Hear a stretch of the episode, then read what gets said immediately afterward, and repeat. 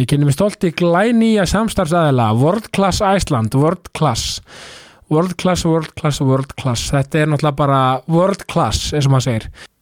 Ég er svo stoltur ánæður að fá þau með mér í liða því ég er einn blóðheitasti aðdándi World Class bara, veist, bara já, bara á Íslandi ef ekki bara heiminum, sko og uh, ég er þar reglulega þið sjáu mig, eða viljið sjá mig svona annarkvæmda mótnana uh, eða í eftirmiddaginn, þá er ég mjög líklega á brettinu í, í, í vorklass lögum að hlaupa, já, af mér allt vit bara, sko.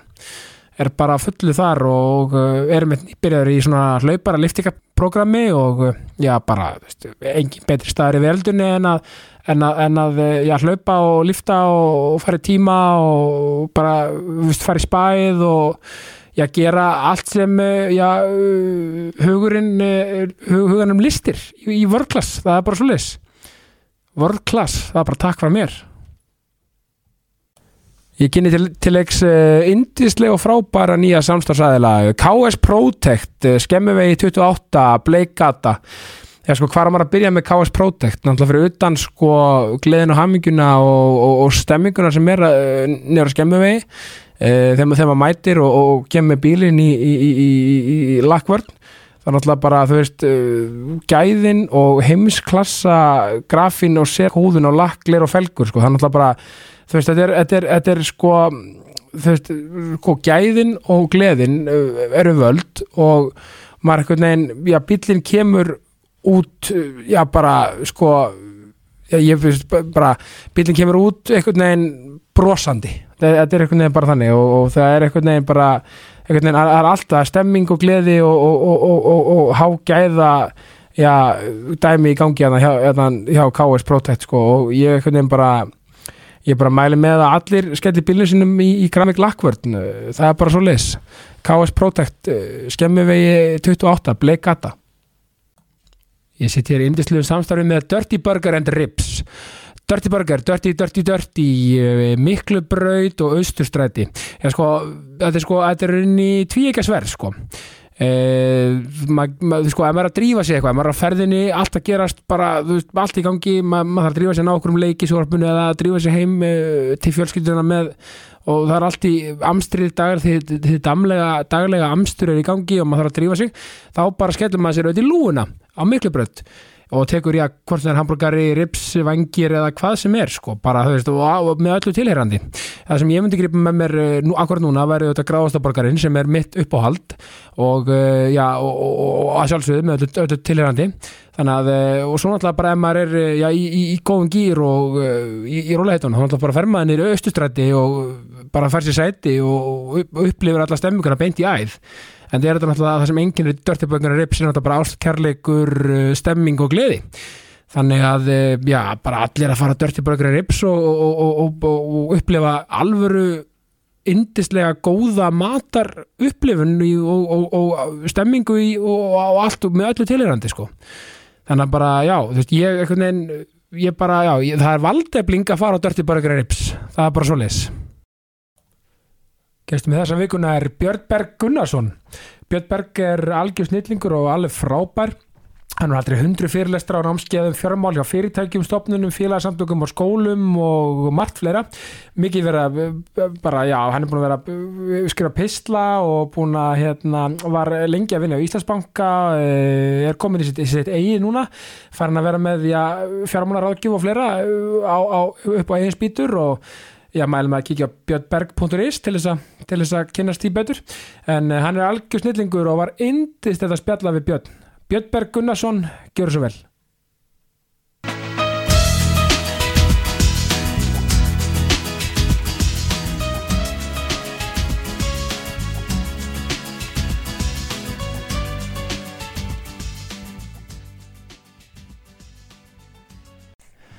Björnberg Gunnarsson velkomin í ákastið Takk hérlega. Hvernig, sko, mikið er ánæður að vera búin að fá því þetta þegar ég er, ég er umverulega, sko það mætti segja, ég sé bara mikill aðdáðandi, sko. Takk fyrir það. Að Því að ég er, eins og veist, við erum náttúrulega höfum spilað svona fókbólta og svona og er mikill fókbólta áhamaður mm. og hvernig þú hefur anlýserað fjármáli fókbólta er eitthvað sem ég finnst, já, með ólíkitum magnað. Af því að þetta er svo af því að þetta er alltaf ekki af því að maður sé bara lið, völl, treyjur og leikmenn. En mekanismin er svo óbúslega mikill hann undir og bakvið og, og, og í öllum hornum og krókum og kímum. Og það er svona það sem svona vakti svolítið áhuga mér á fjármálum. En þú veist, og hér ertu komin í jákastið. Já, og, og við tölum um fjármála eftir. En hvernig finnst þér að koma í svona jákvætt podcast? Já það, sko. Ég átti svo sem ekki von á því að einhvern tíma væri ég, væri ég hérna að, að tala við fólk um, um jákvæðni eða eitthvað það, mér finnst það flott, mér finnst líka bara mér skemmtilegt og gott að þessi vera að tala um slík mál. Já, vegna þess að auðvitað er það þannig að það sem vekur almennt aðtekli það er svona kannski frekar þessi væri í meinhornu en jákastinu ég skilur er bara það er svona absolutt. að finna aðhlutum og, ég og er svona og- underground sko. Já, já. en já, já, líka vegna þess bara að það er um, það er alveg hægt að ræða ímislegt sem er kannski hægt að deila um eða, eða er svona eins að þyrla upp einhverju moldviðri uh, án þess að líta bara á neikvæðarleganar og að því þú ert einmitt að tala um, um fótboltana auðvitað hef ég oft verið kannski kallaðu til til þess að ræða um eitthvað sem er neikvætt sem er að Já. gerast. Vegna þess að það er það sem er yfirleitt uh, fréttnæmt. Já, eitthvað svona spilling og eitthvað svona bull eitthvað svona. Já, en svo gerist ímislegt inn á milli svona þegar að við fáum eins og til dæmis uh, bara núna um daginn var ég í viðtali til þess að, að uh, sko Hákon Haraldsson, bara íslensku strákur Já, að já. gera mjög skemmtilega er, er að fara til Fraklands mjög áhugaverð og skemmtilega félagskipti það er að koma lið hérna er að fara að spila á, á hérna Breiðolts, eða á hérna Kópavóksvelli sem er bara fjármagna ferðalagi sitt með því að hafa fjárfæsti í þessum strák á sínum tíma. Akkurat, sem er algjörlega magnað og það er, mér finnst nú yfirleitt langt skemmtilegast að tala um það sem að er jákvætt. jákvætt og, og inspirerandi og Já, að því að náttúrulega auðvitað, að því að peningar í, sko, í, í, í sko, og þetta neikvæða, sko, það er búið svolítið að, sko, eins og segir, að þetta neikvæða verður svolítið on top alltaf og að klikk, að maður fær klikks á fréttir sem eru, hérna, svona krassandi þá á þann hátt að sé eitthvað vesen eða eitthvað svoleiðis. Einmitt. og, og, og mitt margt svona í einmitt fjármála geiranum og í, já, já, pólitík og annað slíkt sem er eiginlega, eiginlega það er eiginlega, það er rosalega mikið on top og en svo hefur fengið alþykismenningað Já, og þá segja mér sko, jú, jú, sko, það eru alls konar ádælumál og svona, en 90% af tímanum eru við bara ít á grænatakan og erum allir öll og glöðu og sátt með niðurstöðuna, já, en hitt einhvern veginn er einhvern háar minnihluti af, af skoðunum já, sem verður bara einhvern veginn eh, bara ofan á. Já, og það er einmitt, að, með peningana, það er, svona, er oft svona, svona, einmitt, svona neikvað ára í kringum fólk sem á peninga og, og, og svona umræðum einmitt fótbolta, íþróttir eða kvítfótinn eða já. hvað sem það er. En auðvitað náttúrulega, þú veist in general er náttúrulega peninga bara í íþróttum og í öllu bara jákvætt, menna annars var kannski ekkert mikið undir í, stofunum, undir já. eða þú veist, Nei, nei, ég minna það er auðvitað það sem að verður til þess að íþrótt eins og til dæmis fótboltinn sem að þegar öllur bóttin kvólt á sér enga tilveru rétt nema ef hann gleður fólk Þú veist, það, það er í rauninni tilveru réttur fótboltans byggir á því já, já, að mestu leiti myndi ég telja sko. ég, held að, ég held að krakkar sem fara að hafa mikinn áhuga á fótbolta eru ekki að gera það út af veðmálum eða út af einhverju einhver, einhverjum pyrringi eða því þeir eru búin að hengja sig utan á einhver félag eins og margir fullorðnir eru sko. einmitt. Heldur út af einhverju, einhverjum einlægum áhuga á skemmtun og, og gleðu og einhverju slíku. Og, en að því þú ert að mynda að tala um sko, svona hvaðan og, og á hvaða sviði umræðan er. Auðvitað er það eðlilegt að sko, stjórnmál eru uh, ósætti. Vistu, ef allir væri sammála það væri ekki stjórnmál. Þannig að, að sjálfsögða er það þannig að neikvæði eða það að vera ósamála það er eðli stjórnmála. Algjörlega. Ef að það væri þannig að allir á alþingi væru sammála um allar hluti þá væri eitthvað mjög bógið Já. eitthvað mjög spilning og, já, og, og þess vegna þetta heyrum við að, að það er ekkit fréttnæmt þegar að allir voru sammála um eitthvað eða þegar allir voru sömu niðurstöðu nema þá ef að það er of, of algengt og, það er svo sem ekki jákvætt í þeim löndum þar sem að það er. Nei, nei, en þegar að kemur að, að eh, fjármálum að þá er það líka oft þannig sko að þegar hlutinir er í lagi og það sem er jákvætt þá, þá í rauninni bara ganga hlutinir já, og þá er allt í, í góðu lagi. Þetta er eins og, þetta er eins og brandarinn um af hverju það er engin blótsýrð á þýsku. Það er að þeir í þýskalandi þá ganga hlutinir bara ganga. þeir bara virka og þá þurfa það ekki að blóta. En, en hérna að, að í, í, í fjármálum að þá eru neikvæða hliðnar vegna þess að uh, fjármál geta haft svo mikil áhrif á lífsviði væri fólks á alls konar hluti sem að tengjast réttlæti og, og, og slíku að þegar að við förum út á spórinu og þegar að neikvæða fréttir berast af peningum þá geta þær verið mjög nei- neikvæðir algjörlega. Þá getum við verið að tala um um spillingu, við getum verið að tala um, um hreinabina glæpi, við getum verið að tala um tap og mikil áhrif á fjölskyldur og, og einstaklinga, þannig að fjármála fréttir og þær fjármála fréttir sem eru sérstaklega fréttnæmar eru yfirleitt neikvæðir. Algjörlega. Það og það er allt undir basically þú veist, þetta er fyrst, minna, fyrst eins og bara hjá hvort það er eitthvað fyrirtæki eða íþróttalið eða, bara, eða heimilisbókaldið Já, það er allt undir einhvern veginn já. fjármálin eru svolítið bara king, eða þú veist Já, þau eru alltaf þarna baku og þau eru Já. það sem að lætur þetta að að miklu liti ganga uh, en svo er mikilvægt að það sé ekki aðalhuturki Mm. mm. sé ekki aðalhuturki en það er eitt af því sem má ekki klikka einmitt, það er má það er erfitt að fara í hérna ég myndi telja þessi til dærulega erfitt að fara hamingjusamur og, og jákvæður og góður í getum vikuna ef fjármálin eru í miklu málestri já, algjörlega það, þau þvælast mjög mikið fyrir þegar þau eru ekki í lagi. Algjörlega. þegar þau eru í, í, í himnalagi þá kannski eru þau ekkert að bæta neitt gríðarlega miklu við en þau eru þó að minnstakosti að ná að Það- að, að svona gefa okkur forsöndunar í það að láta okkur líða. það bara sé öryggistilfinning einhvern veginn. Og, og, og maður hefur séð þetta líka að við erum svolítið í íþrótta sinnaðar hérna, menna, þú veist, svo, svo oft sko, svona viðhorf til, til peninga Já. er oft svolítið áhugavert eftir, já, bara hvað það er menning eða, eða stjættum eins og svolítið mikið úti þú veist, í þessum stóra heimi, það er svolítið lönd oft svolítið stjætt, stjættaskipt því, því miður, eða þú veist. Og maður sér þetta svona eins og talað verið um fótbolta menn uh, strákar sem fá kannski rosalega fjárhæðir búin að vera bara, náttúrulega bara berjast í bökkum alla tíð svo fáið ros, bara skrifandi samningu bara sitt í út, bara orðin bara þú veist, já, já. miljónamann ykkur þetta er svona áhverð hvernig fólk sko fer með peningana og það er gaman að sjá íþróttamenn sem ég fara vel með peningana sína já, eins og bara Robbie Fowler Já, á já. já, já. hann er bara, bara aldrei giska á að hann, hann er bara úr einhverju estate í Liverpool bara, þú veist, gerði vel, fór bara fjárfesta í, í fasteignum snemma eitt svo fyrsti það ekki? af, þessum, Jú, hann er, hann er sennilega svona svo allra þekktasti af, af, af hans kynslu ég talaði við mannin sinni sem að uh, var nú sennilega betur en Robby Fálum er sér og sín tíma var, var, algjör stórstjárna svona einna, einna bestu leikmennum í heimi. Já. og hann um, hann var að lýsa það fyrir mig, hann var að spila uh, talsveit á undan Robby Fáler hann er svona kynst, eða kannski tveimur kynsluðum undan. Já, og hann var að lýsa því að sko þrátt fyrir að hafa verið mjög meðvitaður um það allan tíman hvað ferillin er stuttur og að fara vel með peninga og allt þetta því að voru til dælu litli peningar í þessu þá var það þannig að hann þurfti að flytja úr landi þegar hann hætti að vinna til þess að geta verið á eftirlinum já, þetta er maður sem að vann sko gullboltan tvísvar já, þetta er maður sem að er, er, er þekktasti og, og besti knarsböndum með nokkur sinni. Hann gati ekki búið í landinu sínu þegar ferlinu var lokið. Um, það er að- svakalegt. þetta er tildulega nýlegt, þetta er tildulega nýtt en það sem að gerist í íþróttunum sem að er, er svolítið neikvægt er, er það að gjaldþróttatíðin er mjög há. Já, og hún er milli íþróttilda að þeim er lifa hratt og, og, og svona Já. allt þetta, já, og líka vegna þess að, að fyrirlinni er mjög stuttur. Sko, flestir á íslensku vinnumarkaði kynast því að, að, að vinna kannski svona á þokkalum launum í kannski ef að sé, um, 30, 35, 40 ár. já, já, þetta er starfsaldurinn og ert, það er tildulega langu tími sem þú ert þá að sapna þér peningum sem þú ætlar að lifa af kannski eftir sjötu Akkurat.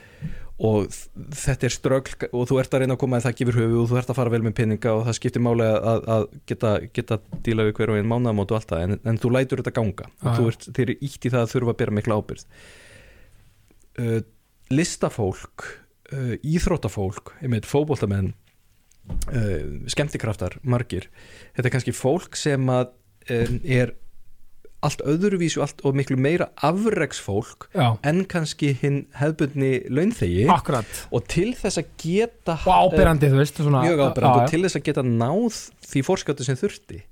Til þess að geta gefið út plötuna sem sló í gegn eða til þess að geta spilað í, í góðu deildunum í, í íþróttum eða eitthvað slíkt þá þarf þetta fólk að einbytta sér það mikið að þessu að það kannski hefur engan annan grunn. Að, að sá sem er atvinnumæður eða atvinnukona í fótbolta um, þetta er ekki til að gefa fólk en, en þau hafa þurft að einbytta sér svo mikið að greininni sinni og, og tónlistafólk og allt þetta að þetta er það sem lífinu er veðjað á það er þessi eina grein og það er það sem þarf það er ekki kannski hægt öðruvísi það kannski næra slá í gegn og gera og stóra platan kemur eftir ákveði ströggl kannski einhver tíma, hlutverki í bíómyndinni uh, stóri samningur í Mm. íþróttinni segjum 23, 4, 5 ára ertu kannski að ná því og síðast í stóri samningun í íþróttin kannski kringu 30 akkurat. Þannig að þú kannski gerir, þú ert kannski að þjena þokkalega hámarki 10 ár. Ég veit alveg að það eru margir sem ná miklu lengri ferli og, og, og margt listafólk sem nær því en þetta gæti verið raunveruleikin hjá fólkinu sem við erum að fylgjast með og algjörlega. við erum að gapa við tekjunum sem þetta fólk er á. Já. en þetta þarf að endast út alla æfina já, og þegar að þegar að, að, að íþróttaferlinu sleppir eða tónlistin hættir að skila sínu eða, eða listin eða hvað það er að þá hefur ekki þá getur ekki farið að vinna annar staðir í sömu grein. Nei, þú þarft að snúa þér að einhverju allt öðru frá grunni sem að viniðinir fóru að kynna sér þegar þeir voru úlingar eða skilur þetta, þetta er mjög erfitt líf. Og, og það sem gerist hjá mörgu íþróttafólki er, er það að, að það ræður ekki við þetta. Það skilur ekki hversu mikilvægt það er að, að þrátt verður og sett með tíu snum herri laun heldur en allir vinniðinir þá er, þá er þið kannski ekki endilega að fara að, að, að munurum verður ekki svo sami hjá ykkur eftir 20 ár. Akkurat. Og það hefur orðið til þess að til dæmis leikminn í ruðningi í bandarækjunum uh, að þegar þetta var sem verst að þá er yfir 70% þeirra sem eru gjaldróta innan tveggja ára já, frá því að ferlinu lauk, já, vá. Gjaldróta sko. og þeir voru, það, það var mjög mikið um, um hérna dýrar fastegnir, marga barsegnir stórir hérna stóra slíkt. lán sem er að meða að geta allt sko Já, bara- já, að þú, þeir eru að kaupa stóru mikil hús en þeir eru náttúrulega kannski geta staðgreða þau. Um, en síðan var mjög skynsalega leið farin í, í NBA-dildinni sem var það að leikmannasamtökin í NBA byggt lífverðiskerfi já, í rauninni þeir svona ráðgjafastofu og lífverðissjó þar sem að ungu strákan eru bara teknir inn. Þetta er alltaf svona var leikmaður LA Lakers og síndi með sem heitir Derek Fisher sem var mjög ábrendi í þessu Já, þessum já. tíma. Og þá er bara tekið utan um nýlega sem kemur og þeir eru settir í ráðgjöf og það er farið yfir þessi mál með þeim. Og svo er þeim setta, sagt að búa til í þennan sérstaka NBA leikmanna sérreitnarspartna já, ok. sem að þeir fár síðan þeir eru orðnir eldri en færtu þetta er alveg, algjörlega frábært. Frábært, og mér, þetta er eitthvað sem að mér finnst, Rosalega finnst svona, þetta er rosalega þetta, já. En mér finnst að við ættum að vera með eitthvað svona hérna heima. Já, bara, að, bara eitthvað net sem grípur. Já, þú veist, ungt afreksfólk það, það er ekki að gefa sér að það hafi aðgengið að einhverjum í sínu næru umhverfi að, að við þurfum aðeins að ná utanum þetta fólk og, og svona ræða þetta sem við vorum að ræða. Er hvernig líka verður ferillin og hvernig ætlar að tryggja að þú myndir geta að lifa á þessum penningum Absolutt, og þess vegna er líka þetta háskólakjör í bandaríkunum mjög áhugavert með þú veist þegar menn eru, draftaðir eitthvað slíkt og eru búin að kannski tryggja sér eitthvað mentunum í, í leiðina við, Amerikanin virðast svolítið svona framalega að meirinni þarna. Já, en samt ekki með betri árangri en það að, að Að já. þetta var það sem þurfti til vegna þess að í NBA var hlutvalli komið í yfir 60% Já, sem eru gjaldrótt innan fjögur ára já og menn búin að vera í þessum til- lífstíl kannski og, og hafði engan áhuga að vera að vinna okkur lögfræðistofu sko, eftir, Nei, eftir þessa hæðir sko, Akkurat og, og meiri sé að sko það er ekki pláss fyrir alla þess að stráka í fjölmiðlunum eða í þjálfunni þegar, þegar ferillin er búinn þannig það getur verið mikið ströggl hjá, hjá mjög mörgum. Algjörlega, við höfum séð þetta í, í mörgum íþróttum þar sem að e, þegar, far, þegar maður fer inn á vefsíðunar hjá þeim eða fer svona að lesa til um klúbana og fer maður að sjá hversu svakalega margir gamli leikmenn eru að vinna fyrir félögin. Einmitt með einhverjum hætti og maður veit alveg að því maður sér hvaða starfið maður veit að þeir eru ekki að fá velborgað. Nei, þetta er ekki hálaun algjörlega, en þeir eru þarna vegna sem þeir þurfa því að þeir eru búin að klára allan peningin sin einmitt. En er, eitthvað, er ekki eitthvað dæmi um svona liða þau, þau sé að borga mönnum sko eitthvað svona eftir sko, eftir að ferlinum þar sé að líkur. Eins og hvort það var ekki Barcelona að borga sko eitthvað x lengi sko að því að þeir eru unni þrennuna eitthvað svona, eða, eða, Jú. eða eitthvað svona það- það- dæmi um þetta Jú, jú, þeir, þeir lendu í, í bölvuðisinu með þetta að þeir fóru að tegja á samningum og fresta bónusgreiðslum og eitthvað slíkt Já, það mjög er slæmt. málið En já, Já. það sem þú sennilega samt að vísa í er, er sko svona tegunda samningu sem voru svolítið gerðir í NHL-dilin, í hockey-dilin í já. þar sem að sko leikmaður er bara þú veist hann er 32 ára, hann settur á 15 ára samning eða eitthvað, eitthvað slít, svona, alveg svona kjánalegir samningar. Já. þar sem að til þess að sleppa undir einhver launaþög eru menn settir á samninga þar sem að þú ert að fara að borga en þeir eru hættir að vinna. Algjörlega, og svo, svo maður líka heyra sko að því við tölum með þessu áhugaverður mekanismi sko, að, sérstaklega þar íþróttafólk sko, og bara fólk almennt kemur fær svona svakalega fjárhæðir rosa, snem, rosa snemma bara beint kannski úr ykkur fátækt. Já. Maður er að heyra að því sko að að var einhver umræð um þetta var ekki hjá hann Hjörvari uh, í Dr. Fútból að frönsku strákandir sem eru úti, úti bara Benzema eða hver sem það er Já. að þeir eru svolítið að lendi því að vera með svona antóras með sér Já. sem eru svolítið bara, hei, þú meikaðir það bara, Já. mér vantar nýja gallabuxur mér vantar Já. bíl og, eða skilur við og menn séu svolítið að lendi í þessu sko bara uh, vilja vekk sko Já. þetta er alveg svona svaklega pressa á, á kannski menn sem er ekki kannski allt og sterkir. Fjármála vitslega sér, eða skilur við Já, svona, kannski finnst þeim líka bara þeim rennur blóður til skildunar ég meina, Já. ég er sá sem meikað á mínum hópi. Einmitt, og ég á að að sjá, Hjálp- sjá mínu menn sko. Já, ég, ég skil það en það er alveg rétt, þeir eru margir mjög ungir og, og eru kannski genghefti fyrir að margir sem að fara flatt á því að fjárfesta í einhverju hjá vinum sínum. Algjörlega. það er einhver, einhver úr, úr vinahóttum sem ætlar að opna skemmtistað og þú ert svo eini sem á peninga þannig að þeir finnst bara fárulegt að fjárfesta ekki. Já. og þetta, það eru margar svona sögur, þetta er voðalega sorglega Já, en þetta er alveg ótrúlegt en, en svo einhvern veginn, og talandi um sko, talandi um, hérna, já uh, hérna, svona styrtardæmi og svona ég er er náttúrulega með frábæra styr, hérna, samstæðstæðala með mér. Ég er með, sko, ég, ég er með frábæra uppskrift af frábærum það er að byrja í vörklass, taka góða æfingu já, fara að beinta dörti, dörti brökina rips fá sér eitthvað vel sveitt til að jafna æfingun út. Til að koma út á sléttu. Koma til sléttu, talandi um fjármálinn sko. Já, og uh, fara svo með bílinn í, í hérna, grafínlakk húðun Já. hjá, hjá KS Protect já, ég held að, ég, mér finnst það uppskrifta frábærum degi sko. já, ég held að já, ég held að að það. Og jákvæðinu var einmitt í bóði vorklass Já. gaman að því, en sko að fyrir maður sér þig Björn sko, uh, þú ert vesturbæðingur það ekki í húðor Jú, og þar, þar að leiðandi káningur já, já, og, og alltaf verið mikill fótbolt áhuga maður það ekki? Jú, jú, jú. bara svona bara, þú varst æfi káir ekki? Og svo bara, Jú, ég er bara alveg upp á káurvellinum sko. Já, og meiri sé alveg upp í frostaskjóli sko. já, já, er ekki þannig að þetta var bara mitt já, já, mitt bara heimili og mínu vinn er allir í fótbolta og þetta var, svona var bara æskan sko. heimatökin? Já, já, gat aldrei neitt í fótbolta en hafði alltaf rosa gaman að fótbolta Já. spilaði fótbolta lengi og var involveraður í, í fótbolta. Já, og þú, er rétt með, þú varst einn af stopnindum KF ég var í þessari svona kreðsus þessum, þessum hópi, ég var, ég var hérna ég er ekki á ljósmyndinni frægu. Nei, það sem að, sem að klúburinn er, er stopnaður en þetta eru mínir bestu og kærustu vinnir sem, sem að stopnuðu félagi og ég var alveg með þeim frá, frá fyrstu stundu í, í, um, í svona uppbygging já, í uppbyggingunni og síðan miklu leiti í, í, í rekstrinum svona segna meir. Og það var auðvitað alveg ótrúlega æfintýri og við tölum mikið um þetta. Ég er mitt að vinna núna uh, við, við erum í sama húsnæði ég og, og, og Palli sem, já, sem var mikið með mér í, í KF hann var lengi formaður og ég framkvæmtastjóri já ég held að við tölum um þetta daglega sko. og er ekki, já, eðlilega þetta er líka ótrúlega ævintýri og Páll Kristjánsson eh, bara, og þið og þið, allir, gerðu þetta snildalega vel. En er ekki líka meira en að segja það, að reka svona lítinn vennsla klúb, ég meina að við skilja að því að fólk heldur bara, já, mæta bara æfingu og svo bara borgaði syngju, þetta er alveg miklu meira en bara þetta, þetta var, þetta var svakalegu skóli að gera þetta og við vorum að ákunnuleiti heppnir með það hvað sé ég, svona það koncept sem við lendum á Já. sem við ákvæðum okkur en líka rosalega duglegir. Já, þetta var ofbúslega mikil vinna og við sáum það sko ástæða tilur þessa félags ef við kannski reykjum þetta aðeins tilbaka Já. er það að uh, svona í kringum árið 2004 og þá eru laðið fyrstu gerfugrasvellinir hérna.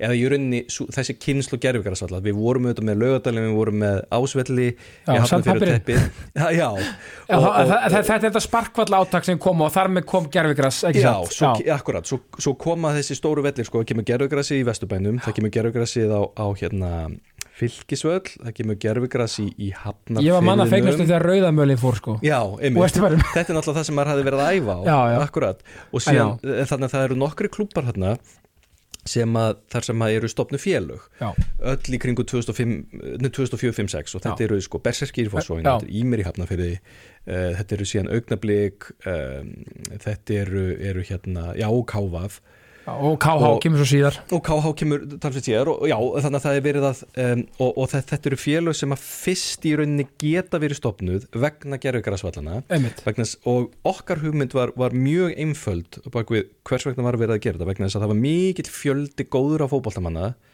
að ganga upp úr öðrum flokki káir án þess að fá samning hjá Einmitt, sem var alltaf hægara sætt en gert. Já, þetta, ég minna þetta var mjög þetta er svona á þessum tíma sem að sem að Teitur Þórðarsson er þjálfur með akademíuna og, og, og hérna það er rosalega mikið magna góðum fótboltamönnum í káar í, í káar og leikmenn hrökklast í rauninni eða hrökklast burt, menn fara bara að spila með, með, með gróttu sem, að, sem, sem mörgum var bara mjög illa við, bara vildi ekki vera að spila með gróttu. Nei. menn fari í IR, menn fari í fjölni fari í, í reynisangeri, kvöt og blöndósi hamar í hveragerði auðvitað vilja menn halda áfram að spila fótbolta en, en, en allt og margir hreinlega bara hættu í að þetta er ef þú ætlar að, ef þú ert góður í fótbolta og, og ert, ertu vesturbænum, ert í, í háskólanámi og ert að fara að spila með kvöt og blöndós þetta er meira en að segja. Já, já, þetta er, þetta er rosalega ákvörðin en það geta verið heima geta stopna klúb verið saman þetta er náttúrulega bara vinir geta bara haldið hópin og spila fótbolta eins Upp í í, á, káursvæðinu eins og menn vildu það er algjör, algjört það var kveikjan aðeins og það var það sem við vildum. Pluss að fá félagsmenn áfram eða veist, að halda já, já, félagsmenn já, já, ég minna alltaf er þetta káuringar já, uh, en að, uh, þegar þú segir venslalið þá vorum við aldrei venslalið. Nei. Við, við vorum aldrei með Nei, þið voru bara sér auðvitað, algjörlega aðskili félag bara stopnað frá grunni, bara sem nýtt félag skráði inn í, inn í IBR og ISI og, bara, og KSI, þetta er bara algjörlega aðskilin kennintala og það var ekkert samstarf á milli KR og KF og meðan ég var Nei, uh, nema að því leiti að við áttum alltaf góða að. Já, Þá, já. og káringar reyndust okkur alltaf vel með það að við sömdum við þá um það að við dæmdum leiki fyrir í yngri flokkum já, Og feng- gegn, gegn því að fá æfinga aðstöðu leikaaðstöðu og búnisklega mjög fyrr þetta var bara mjög sangjarn og góðu samningur og káringar alltaf uh, voru alltaf góðu við okkur en það var aldrei formlegt samstarf um eitt eða neitt. Og við vorum ekki voru, það var ekki, ekki sammeilið þjálfarar, það var ekki verið að láta menn renna á milli með formlegum hætti Nei. þetta var ekki venslafélag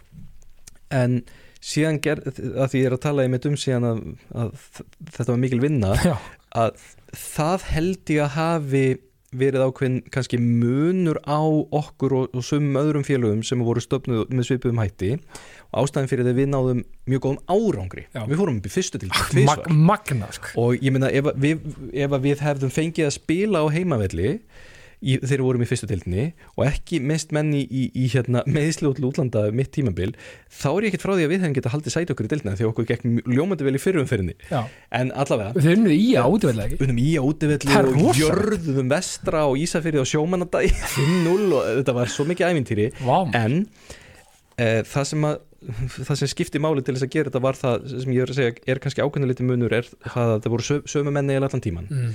það var sami kjarni af mönnum sem að tryggði það að uh, voru mjög ábyrgir fjárhagslega og svona, og svona svolítið heilsteiftur hópur. Það verður að vera í svona. Já, það verður að, þú verður að vera með einhverju sem passa upp á að sé engin mitlisa að allt sé gert rétt, allt sé prudent og, og professional og að séu keilur og boltar og búningar og allt þvegið og allt rétt og að einhverju sem að halda utan um kultúrin Já, vegna þess að svo er það svo mikilvægt að við vorum að fá til okkar leikmenn í þriðjudeild, sko gömlu neðstu deild Já, á. Íslandi já, já, vorum við að til, fá til okkar leikmenn sem að voru sko, við fengum varamarkmann FH Alla Jónasson, Já, sem alveg sko, ég veit ekki á hvað marga landsleiki myndu 21 og 19 einmitt. Ekkert Ratn Einarsson sem hefði verið fyrirlið undir 19 ára Já, landsleiki byrja að spila með K.R. bara 16 ára sko. Já, já, bara fullt að leikjum í efstu del Davík Guðrunarsson, fullt að leikjum í efstu del Gunnar Kristjánsson, landslísmaður aðlandslísmaður í fótbolta.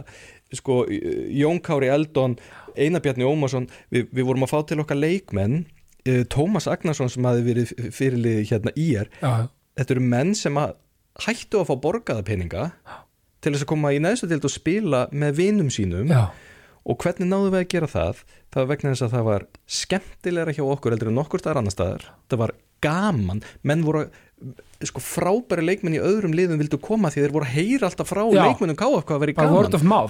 Já. þetta er svo gaman. Og þá komu menn og að því að við höfum það sem, ákveðna stefnum við ætlum að spila falleri fótbolta en nokkuð annar lið. Já, já, og, og en svona, það var yfirlýst stefna. Já, við Ok. spiluðum bara Barcelona fótbolta, Haldur Árnason sem er uh, aðstofað þjálfari uh, uh, Breiðbliks Já, að hann var þá að þjálfa þetta með Páli Kristjánssoni Palli er svona old school þjálfari sem að, að, að hérna, svolítið öskraði menn áfram og hérna í formi.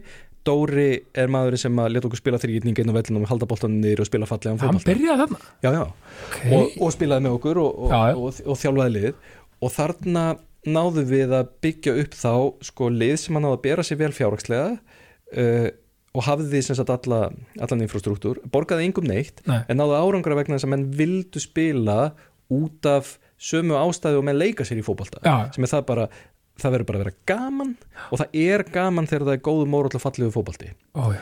og menn kiftu þetta konsept, tóku þátt í þessu og árangurinn kom okkur allir inn upp í fyrstil þannig að þetta var algjört æfintýr og rosalega skemmtilegt og, og við höfum oft talað um það hvað það sé svona góð tilfinning og gott fyrir ego eða ákveðnu leiti að sko þetta sem við höfum svo mikla trú á það virkaði. Já, á meðan öll liðin í kringum okkur þegar við vorum til þess að spila í annari dildinni og Já. hvert einasta lið var að borga leikmennum og við borguðum engum menn þurfti að borga sjálfur fyrir að fara í ræktina og kaupa sér markmannsaska þá voru við að, að hérna með annað koncept, við vorum samt bestir í dildinni sko, það var mjög skemmtilegt. bara það líka að vinna sko på skaga, þetta eru átjón titlar og, og sko, þetta er bara eitt, þetta er öruglega sko, tökum þú veist, mínusum titlana frá hérna hjá Val og Káar og fram það sem voru kannski bara tvö eða jafnvel bara eitt lið að keppa Já. og fá skráða sitt íslumistara titla það ætla þetta sé þá ekki sigur sérsta lið uh, Jú, ég meina skráða með að við sko og líka svona setni tíma sko. Já, ég er, er bara í mínum huga líka bara svona gullslegið félag. Er, er eh, svona, kannski slettum svona fútbol royalty á Íslandi. Absolutt og ég þannig að meina það að vinna þá var þetta algjör draumur. Það er rosæð og hvað kemur þessi áhuga boltarum? Sko, það er nú sagði að segja frá því. Sko, það, það er uh, sko, við, við Páll Kristjánsson erum æskuvinnir, við höfum bara verið að leika okkur síðan við vorum uh, hérna í leikskóla. Já, og frændi hans og nágranni okkar er, er hérna sakfræðingur mentaður í og fótboltákvæm maður mentaður í Skotlandi Ok. sem heitir Stefán Pálsson. Framari og uh, hann auðvitað uh, sko hann til dæmis fór að læra í Edinborg og, og kynntist þessum en, en þannig að hann bæði smitaði Palla sem smitaði mig já, en líka bara það að, að það er svona ákveðin tegunda fótbolta já, sem að ég held að sé líka ástæðan fyrir þessu. Ég held að mikill áhuga á skoskum fótbolta sé ekki bara út af uh, út af út af hérna, út af steppa eða út af út af einhverju sérstökum var þetta skoska fótbolta nema að þýletin til að að við höfum oft talað um svona romantík og ástriðu svona í, í fótbolta og það sem skoski fótboltin býður upp á er hann er svona ákveðin gluggi í fótboltan hvernig eins og hann var uh, fyrir úrvalsteildar væðinguna Já, bara fyrir basically alla 94. peningana. Já, Já, og þá uh, sérðu fótbolta sem að er spilaður á völlum sem mér finnst mun skemmtilegri. Ég, meina, ég eh, fallegustu skemmtilegustu fótboltavelli sem ég farði á í Skotlandi. Mér finnst þetta mér finnst þetta miklu meira alvöru. Mér finnst hávaðin sem er í stúkunum mér finnst stemningin þarna vera öðruvísi en þú veist það er gaman að fara á Anfield en Alveg. ég myndi ég myndi frekar vilja fara þú veist þú þyrftir aldrei að spyrja út í það hvort ég myndi frekar vilja fara á einhvern ómerkilega leik á Ibrox og Glasgow Rangers Já. eða hvort ég ætti að fara á einhvern stórleik á Anfield. Þetta er öðruvísi. Old Firm Derby er náttúrulega eitthvað sem er bara náttúrulega Já, ég eftir að komast á það. Því lík lætir en ég miður. líka ég meina Tartan Army og við maður sé Já. þess að skotnir eru rosalegir og, en er ekki rétt um líka ef við, ef við tölum um fjármálun líka að þú talar um fyrir peningana sko. Ég meina þeir voru með hærra launabudget sko Rangers og þessi lið á, sko, heldur þessi bresku lið sko, ennsku lið áður en að með Premier League og þetta byrjaði. Ég meina þá var þeir að borga meira satt? Já, þetta var alveg á pari, þetta pari, voru já. sko, og meiri sér, þú veist, íslensku leikmenni sem eru að fara þarna út, við erum með Jónas Eðvaldsson og síðan, þú veist, leikmenni svo, eins og Gummi Torfason og fleiri sem Já, eru að spila þarna. Og nú eru menn að hugsa um það, það er eitthvað, já, Gummi Torfa spilaði með Saint Mirren, já, ha, ha, en ég minna hann var að spila í Evrópukeppnum, sko, já þeir voru þar já, já, já, og ég minna hann var að spila þú veist, Gummi Torfa skoraði segumark á, á Celtic Park, að, þú veist, fyrir fram að 80.000 manns eða eitthvað, þetta er- alvöru þetta er alvöru, hérna, þetta var alvöru bolti og, það, og, og jú, ég minna það er engin tilviljun að þarna voru að spila Henrik Larsson, þú veist, Paul Gascoigne þú veist, Chris Sutton svakalegi leikmenn á besta tíma Gattuso og innur og þessir. Það sem gerist þegar að úrvalstildin enska er stopnuð er að þá eru mjög miklu peningar sem að verða til vegna þess að Sky stekkur þangað Eh, en sjómastöðin sem að, að gera samning eh, við skotana uh, rullar já, og þeir fá ekki peningana og þeir ná ekki að gera nýja samningana. Það er svona líða misserinn og árin þar sem að skotanir einhvern veginn bara gefa sér að þeir, þeir séu að fara að komast í sama pakka á englendingarnir. Já, en það gerist aldrei. Nei og þá dragast þeir mjög mikið aftur úr og svo ekst og ekst og ekst og ekst bilið og enska úrvarsleildin stingur algjörlega að. Já. þannig að það er ekkert að bera þetta saman núna, það er alveg gríðalegu munur. En það, þú veist, það eru ennþá peningar í Celtic og Rangers út af Evrópuboltanum og út af alveg svakalum en, en, en gjáin er svakaleg samt hún er svakaleg og, og munurinn á milli félagana þarna, hann, svo sem alltaf verið mikill.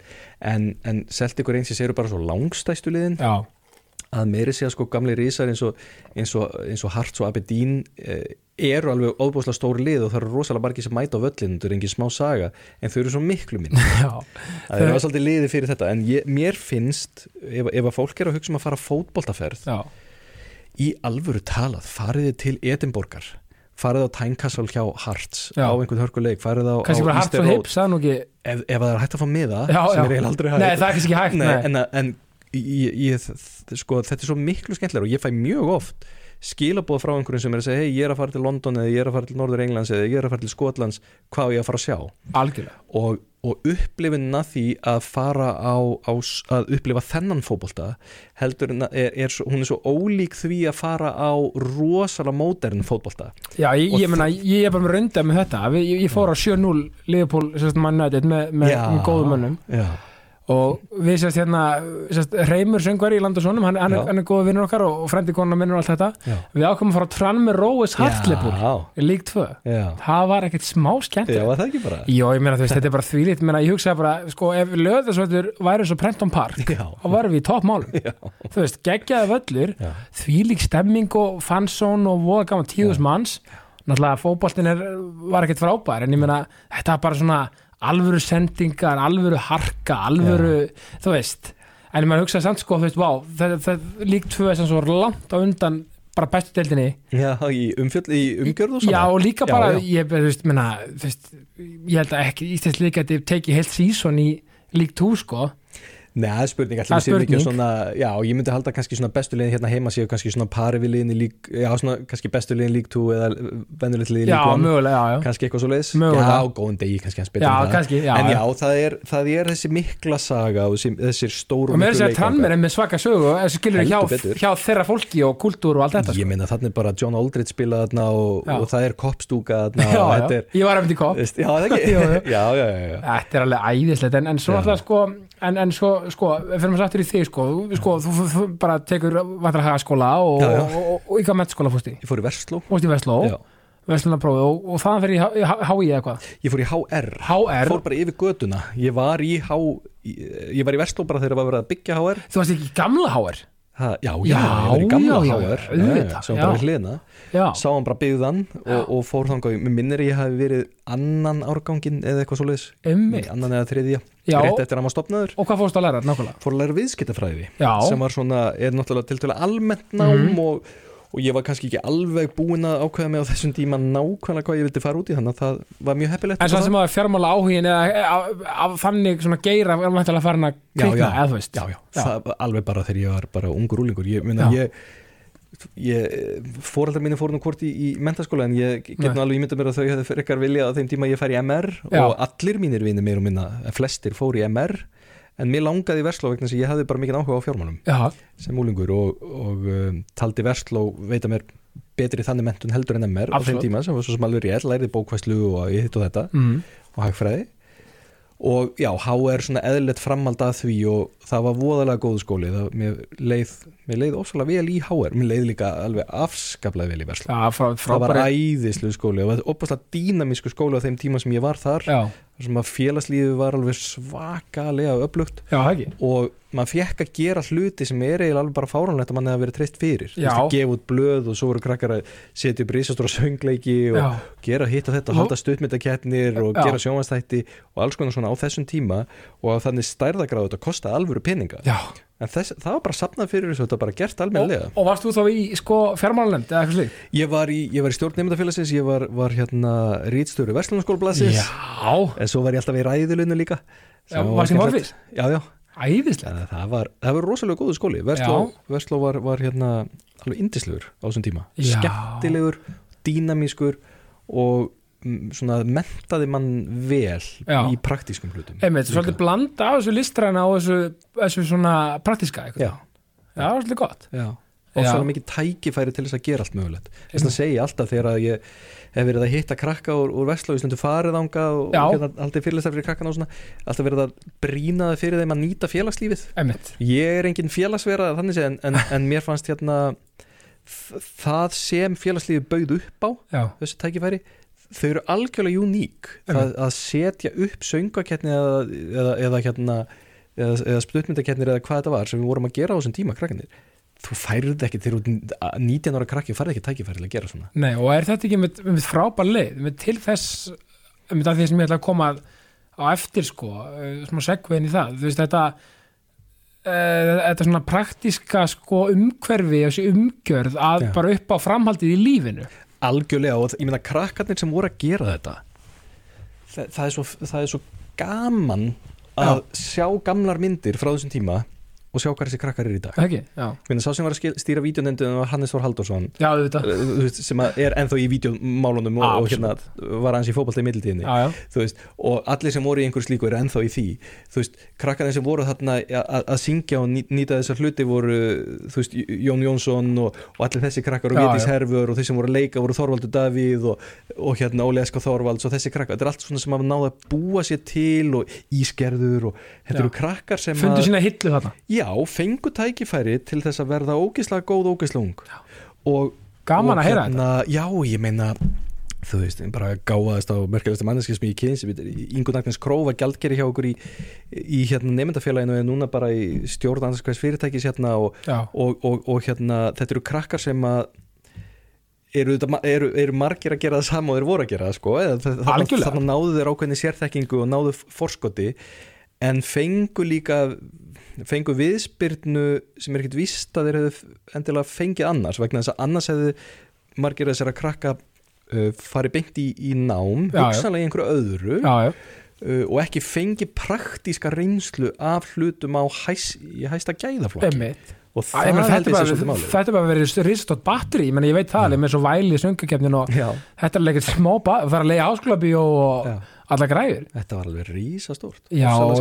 Það var eitthvað frétt um daginn það var, það, að nefndafélag Vestló var að velta bara einhverjum, stórum fjárhæðum sko. Já, ég minna að þetta er, þetta er 2001 eða 2 Já. sem að, sem að ég hérna, til dæmis að var reistur í Vestlandskólblasis og, og það kostaði 5 miljónir á þeim tíma í gömlum já, já. krónum og þið var að selja sko. auglýsingar og Já, og við náðum bara að sapna meir en 5, auglýsing, yfir 5 miljónum í, í, í tekjur til þess að borga svona. Ég meina söngleikurinn sem við settum upp árið sem ég var í stjórn var minnum við slappaðu af. Minnir að það hefur verið hann og ég meina það kostaði yfir 10 miljónir en við hugsaði að geta tengt praktík svona beint við lífi þess að praktík að nám og praktík beint við lífi þú þetta ekkert sko Nei og svo var, svo var þetta mjög gott að það var verið að draga að borðinu síðan fagfólk. Þannig að uh, sko til þess að kenna ennþá meira basically. Já, þannig að við vorum til dæmis í ræðukettnum að þá vorum við með þjálfara sem voru, voru hérna svo til dæmis Gísli Marteinn og Já. Ólafur Teitur Einmitt. fréttamaður og Gunnlaugur Jónsson í, hérna, sem er í fjártættingklassunum og það var svona þú veist, þeir voru kannski ekki mjög fullorðnir á þessum tíma. En okkur fannst þetta að vera fullorðnir reyndir flotti gæjar.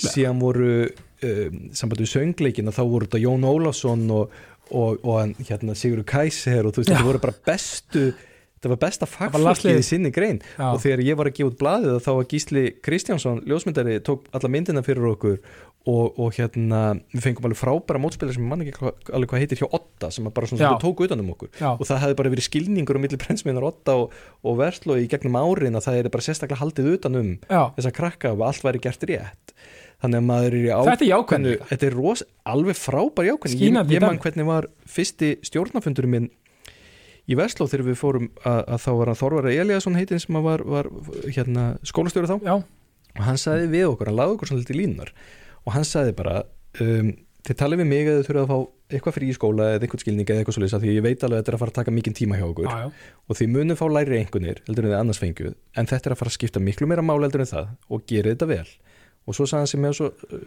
smart hann sagði, ef alveg sama hvað þið gerið að þetta er reglan. Ef þið ætlaði að gera söngleik þá þarf þetta að vera besti söngleikur á Íslandi. Akkurat, já. Ef þið er að fara að gera tímarit þá þarf þetta að fara að vera flottast tímarit á Íslandi. Er að gera leikrit, skemmtilegsta leikrit á Íslandi. Og þetta var standarti sem hann setti á okkur og kröfunar sem hann setti. Þetta svona, en hann sagði líka, Já. ef þurfið eitthvað þá komið til mín. Akkurat. Það er mjög flott umhverfi að vinna inn í. Ótrúlega, þetta er svona þjálfari sem leggur plan og segir strákar bara, þið, við ge- gerum mistök alltaf leið, teka á mig. Já. en þú veist, farið inn hérna óttalöð sinni leikin og bara, svolítið svona klopp stemming sko, Já, bara, þú veist en er samt, veist, samtalið standard settur og Já, verða mjög- til livera sko, mjög mikla kröfur, ríka Já, kröfur já. og, og allt það. En, en svona, já, og þetta var já þetta, þetta var akkurat rétt, ég hef verið svo hrifin að því hvernig hann gerði þetta. Og ég, ekki bara hendi djúbulöðina basically. Já, algjörlega, engin önnur leið. Það er ekki svo gott að segja, þið munu fálega einhvernir það er bara name of the game. Já, já, veist, en gerir þetta vel, come on. En, en það er það þannig að ég hefði aldrei viljað skipta þessu og, og þú veist, Og hálfum í einhvern til viðbótar sko. Nei, nei, það er ekki nei. og hérna, og þú veist rauninni, það er áverð sko, og, og, og, að þá er vantar að tekið master hvað í hagfræði eða eitthvað. Ég, ég tók master í viðskiptafræði Nei, hér, já, fyrir ekki, ég tók BSI í hérna, viðskiptafræði. HR síðan fór ég HÍ og þar tók ég master í alþjóðviðskiptum og markasfræði ok, Þannig það, að ég, er áhugavert að blanda því saman. Já, þetta er, þetta er uh, ég held að þetta sé ennþá kentu til þessu nafni alþjóðviðskiptum og markasfræði Mhm. og uh, þarna var ég nefnilega sko eftir uh, já, ég, ég, ég hafði mikið náhuga að fara að vinna í sjárutu Það er líka frábært að þú hefði fundið bara þitt nýs bara svolítið strax. Eða, þú, veist, bara, þú, veist, bara, þú varst alveg þarna og bara fetaði það braut. Já, þú veist, það er svo sem blundaði alltaf í mig, alltaf, alltaf mikið á vísindum og það var svona Mhm. lengi líka svona ætla ég alltaf að vera í í fjármála með að langa með að fara að læra líffræði eða eitthvað svoleið Já, og já. að, að það var svona aðeins að var, það var smá tókstrætt ákveðin tímbilið sem ég var svolítið að pæli hvort ég ætti að alveg að skipta um kurs og fara í einhver vísindi. Já, en nei, nei, þú veist, svo, svo bara var það líka þannig að fjármálinn bara lágu ágætlega fyrir mér. Ég það. Og það er oft þægilegt að, að hérna þegar þú ert búin að ná að prófa eitthvað og það fittar ágætlega við veit, ég, ég segi þetta líka þegar margir sko, sem eru, þú veist, það kannski já, kannski er þetta að skjóta prósent en kannski 85% af fólki sem fer í já, mentaskóla og háskóla veit þetta ekkert hvað það vil gera sko. Nei, þú veist, það er svo rosalega, ég meina ég sjálfur er bara prófa fullt að námi og bara alls konar og er að klára fyrirsfæðarna í BS núna í, í, í vor. Já. en veit það því ég er að skrifa handrit og svona, mér langar í master í ritlist, ég er búin að finna Já. það út loksins, 31 árs. Já, en það er bara frábært og það er sem ég er alltaf að predika, aldrei á seint. Nei, nei. Aldrei, það er ekkert, ég meina þú veist, að vera þrítugur er engin aldur í dag. Nei. þó mér er 15 ára að krissa hafa fundist það rosalega gamall fótboltamæður Já, bara þrítugur, vá. Nei, skilur það, en það er bara svo ótrúlega mikið fólki sem finnur ekki endilega sína leið alveg strax, sem er alltaf leið algjörlega og þá bara, einmitt, liggur ekkit lífi á einhvern veginn er bara, algjörlega ekki vera bara svolítið skinsamur þá líka sko, að því að ég stundum það er svona hvernig ætlar að hafa balansin á milli þess að predika hérna, þú veist, elda sína drauma og allt það, en síðan líka bara hvað er raunhæft hvað er þurfa að réttar. sko. Já, þú Já. þarft að svona passa upp á ákveðna hluti eins og það að, að kannski draumur, þegar þú sérð fyrir þér þann draum sem þú ætlar að, að elda, þá ertu ekki að sjá fyrir þér að þú þarft síðan að borga reikninga um hverju mánuða þannig, þannig að ef þú bætir því inn í drauminn er hann þá jætt góður og er hann að fara að, að ganga upp? Ja. og er raunhæft að þú náir þeim árangur sem þú sér fyrir þér í, í draumnum og því? Þannig að það er oft gott að hafa svona sko, prudent leið einhvern veginn. algjörlega, ég tegur dæmi sem hérna minnar Joe Rogan hafi talað um einhvern veginn hann sagði sko, já, við verðum alltaf draum okkar en ef við erum kannski tvítug og bara, þú veist, höfum kannski ekki skuldbyrningar eins og húsnæðislán eða bíl, bíl og bara veðan börn og alla græður þá kannski höfum við smá buffer á daginn til að vinna að því. Já, já, 18, 19, 20 ára eða yngra. Uh, en ef við erum fertug og erum allan að pakka, þá þurfum við bara að grænda kvöldin. Já, já, eftir að allir eru sopnaðir og, og, vinna búin og allt þetta. Já. þú veist, það er allt Það er hægt. Já. en maður þarf einmitt eins og segir að vera praktiskur og já það hvenar, ætla ég að stunda og leggja stunda á, á, á, á, já, já. þú veist, þannig að, ég meina ég sjálfur ég meina, þú veist maður, maður þarf bara standa sig Já. og veist bara maður er með skuldbytningar en svo bara það maður líka að þetta, að því að sko, ég segi það sko realism í bland við smá, smá svona glimmer og, drauma, Já, það er rosalega góðu staðar að vera á. Já. það er hljóma mjög vel. Algjörlega, en, en þú segir, þú, þú, þú, þú varst með pælingar með sjáarútvegin að byrja að vinna Já, það. já, lang, já, já, ég, ég vann í fiskmiðlun og, og hérna fannst það mjög skemmtilegt. Mm, síðan bara álpaðist ég inn í inn í glitni fyrir hrun. Ok, uh, og, og fekk þar starf mjög skemmtilegt starf í eignastýringu. Já, sem var nú líka eitthvað sem ég hafði haft mjög mikið áhuga á sem voru fjárfestingar. Einmitt. og búin að vera fjárfesta síðan ég var úlingur þannig að mér fannst það óbúslega skemmtilegt að ekki færi að fá að fara þangað. Já, sem var það líka, ég, ég hérna sé alls ekkit eftir því. Mér fannst mjög skemmtilegt og ég er alveg vissum að, að það hefði líka verið ofsalega gott líf að hafa haldið áfram í já, að því að það er, er óbúslega áhugaverðu bransi líka. Já, en uh, Sérstaklega á Íslandi sérstaklega í Íslandi það ég minna við, við höfum náða alveg ótrúlega góðum árangri á svo mörgum sviðum þar. Já, já, en, en uh, mér finnst það góð lending að hafa fengið að smakka á sjárutunum og hafa þá reynslu sem ég þó hef í absolutt. því að hafa kynst þeim bransa en að, að hafa síðan farið í fjármálinn Já, ég meina bara, bara snild og ég meina og finnst þér ekki sko ég ofta hugsaði þetta sko það að tala um peninga eins og ég veit að Amerikana, þeir eru bara aftur talandi um kannan sko. Já, já, þeir eru ekki, þeir segja bara allir bara, já ég með þetta í laun og þetta, þetta, þetta og uh, segja, veist, I make this a year eitthvað svona dæmi. Þú veist, þetta er svo að fyndi hvernig kúltúrin oft er í, í, í, í eftir löndum, hvernig, hvernig svona peninga umræðan er og Já.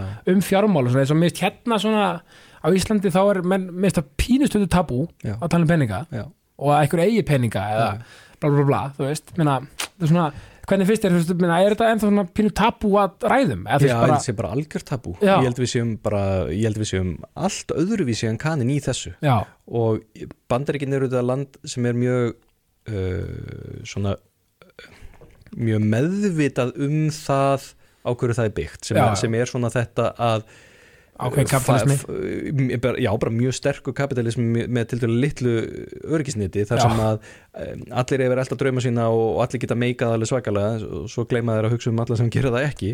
En, en að það sé samt svona um, jákvætt í sjálfu sér að þjána mikið, að, þú veist að ná árangri. Já, já, og, en á Íslandi er það bara ekki þannig. Nei. á, og við erum uh, rosalega upptekinn af því finnst mér oft uh, bæði bara hreint og beint bara öfund sem er bara ljótur kostur og mikið löstur hjá mjög mörgum. Mhm. en, en líka einhvern veginn það að, að vera alltaf kannski er það vegna þess að við erum svo ungt samfélag að það eru svo fáir sem að það er svo stutt síðan að að hérna, fólk að ferða eignast einhverja peninga. Já, og það er svo augljóst Og- hverju líka eiga peningana því það kemur bara strax frétt um það veist, Já, eða já. bara, bara, bara kera sér sem dæmi skilur það, það er bara frétt nummer eitt sko, þú veist, bara auðvitað eðlilega Já, og- og- dæmi en, og en, það en, ber á þeim kannski ákveðin liti sem hafa átt, átt peninga en, okkur hættir til einhvern veginn líka bara alltaf að gruna fólk um græsku. Já, eins og það hljóta að vera þannig, heyrðu, það er einhverjina sem á fullt af peningum og þá hlýtur alltaf að vera svona maður er misunni já og þetta er uh, ákveðin minnumáttakend og, og stundum öfund og stundum kannski byggt á einhverju, einhverju gamalli slæmri reynslu.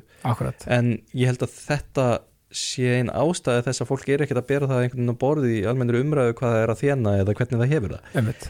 En svo er náttúrulega alveg hinliðin til líka það sem að fólk er bara á ægilega slæmum stað með það, þú veist það er fólk keirundum og reynsróður sem ég veit á ekki etna á þessum reynsróður sko. A- og, og, svoleiðis hluti svona, svona, svona glansmynd og annað slíkt sko. já, og svolítið í gegnum samfélagsmiðla líka svona, ég mynda fólk sem er bara, bara falsandi hérna samfélagsmiðlunum Það er það- eins og allt sé í rosalegum balans og gangi vel þegar það bara gerir það ekki. Pínur rautt flagg hérna, á einni mynd sem er oft sko, og það er þú veist með úr já, uh, og sem sýnir merki sko, Já. mögulega Rolex svo kannski þetta keira Porsche þannig að tökum mynd sko af hendinni og stýrinu. Þannig að sjáast nú öruglega sko bæði merkin. Eða svona eitthvað svona, pínu svona eitthvað. Það var einhvern tíma að þeim sagt sko að, að e, það, það var talað um hérna hugtækið sem er nú sennilega ekkert nota í dag, það var hugtæk sem var kallað ladylike Já. sem er sem sagt að vera virðulegur. Eða, vi- nota fyrir konur sem voru virðulegar. Já, og þá var oft sagt sko að hérna e, þær sem að voru virðulegar þurft aldrei að segja þær væru það emitt skilur og sama með menn, menn sem voru gentlemen eða voru, voru hérna þú veist komið vel fyrir það voru smart þeir þurfti ekkert að vera að segja þeir þurfti ekkert að vera að sína úrið sitt þeir þurfti ekkert að vera að sína bílinn sinn á samfélagsmiðlum. Emitt og mér hefur alltaf fyndist svona jú, þú veist, ég þetta trubla mig svo sem ekkert mikið en, en, en að, að þessir óþæglu jaðrar sko, annars vegar svona láta ómikið á sér bera og hins vegar þessi slæmu viðbröð þegar fólk gengur, fólki gengur vel. Þetta, þetta tvent vera óhefilegt að því að síðan er náttúrulega meiri hlutin og nánast allir eru einhver starf hann á milli emitt og þeir taka þá ekki þátt í umræðum fjármál af kannski út af jöðrunum, Akkurat. ég get alveg ímyndað Nei, það. algjörlega, og mér skoða punktur það með þessu öfund því að mér finnst svolítið öfund uh, sem er rosa vond með hérna digð að- að að hafa, en þetta er einhvern veginn virðist vera ma- málegt eðli í fólki að, að þetta poppi upp en, en það að sko og ég er alltaf með svona pælingu með því að snúa þessu við sko, til þess að snúa öfund við þessari, þessari digð vondu digð, að, að sko rauninni menna, ef maður er að horfa eitthvað bara, vá, maður langar að vera þarna bara, þú veist, í staðan fyrir að fara í öfundapakkan bara hei, þú veist, hvað er ég að gera til þess að komast já, Það skilur, ég vil vera þarna líka, það er alltaf læg að vera með svona metnað og, já, já, og vilja bara, herru, ég vil líka selja keirisis, skilur, eða skilur, eða whatever, eða hvað sem það er. Mér finnst það bara flott að bara, og bara bera bara vel gert á þeim, Já. ég ætla að vera þarna líka. Já. og bara samgleðast fólk samgleðast, já Það er það að svolítið á það. Íslandi, samgleðast Já, það er alltaf svona, já, djöðlur hérna gengur Kali og vel í úti en það er nú samt, sko, þeir eru ennþá bara að spila hjá JLN, eða eitthvað svona, Já, skilur alltaf það, alltaf þetta Mér er enn, alltaf sko fyndið sérst- sérkennilega þegar ég heyri fólk segja eitthvað, heyrðu, þau eru aftur komin til Kanari Já. eitthvað svona við eitthvað fólk, segi ég bara, já, Frábært þeim. frábært, ég var alveg til í að vera í hitanum núna Já. sko. mér finnst það alveg hljópa frábælega en þá, þetta er sagt í tóni eins og þessi hljóta að vera Já. neikvægt já, þau, það er greinlega nóg til þarna já, Já, frábært. það er gaman fyrir þau. heppin. Já, Já, Finnst Nei, það þetta er alveg góða punktur. Við erum, við meðum ekki vera svona lítið líf okkur sko. Nei. Þess bara að fagna Ég meina, ég meina þú veist, rauninni er brúin og gjáin mjög stutt í að ef við ætlum okkur eitthvað að vera þarna líka sko, já, já.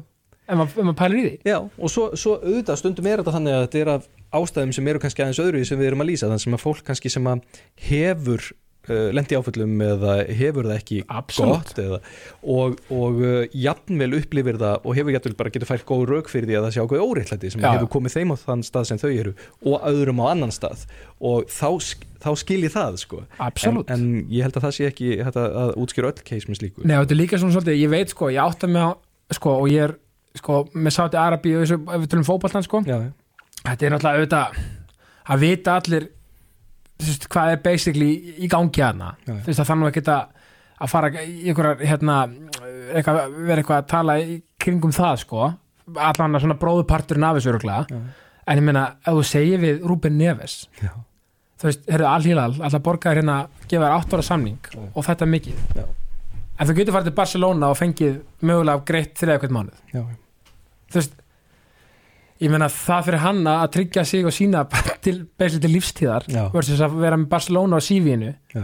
ég skil alveg að hann velji hitt Ég skil alveg ákvörðuna, það er bara eins gott að hann fari ekki að, að vera klappstýra yfirvalda og ég er svo hrættur um að þeir verði það. Já, það er nefnilega, en að því að þessi, þessi sjóður það ekki, meina þeir þeir, þú veist, þetta er bara sjóður sem er að kaupa og þeir fá basically að velja liðið, ekki, er, það Jú, ekki út í sitt staðana? Jú, jú, það er bara þannig að, að e, e, fórsvarsmennu liðana er reyna bara tilkynnt hver er að koma eða það er oft svo liðis Já, eða svona, já, hluti af kaupunum hafa verið þannig. Vissulega, en, þetta eru en bara þjóna, þetta eru peningar konungsríkisins algjörlega. sem eru notaðir í þetta. Og ég meina burt sér frá öllu allir þessi pólitík, þá skilur maður samt sko að þegar maður má ekki gleyma því að þetta eru bara mannesku sem er að fara Já, já, bara, bara í, í, í verktakavinnu basically, eða þú veist bara, bara make a living sko, já, þannig að mér svolítið fyrir að fyndi hvað, er kannski aftur að gaggrina þá og mikið kannski, versus kannski bara einbyttum okkur frekar þeir sem er að, að borga brúsan sko, eða þú veist Ég er alveg saman á því. En auðvitað þú veist, Já, ég já. meina, nú er Henderson svolítið að lendi í, Já, já, veist hafandi tjáð sem við erum hætti áður og þetta sama gerist með, með forstjóra eða fórsetta uh, hérna PGA mótaraðarina já, með, já, já, já, að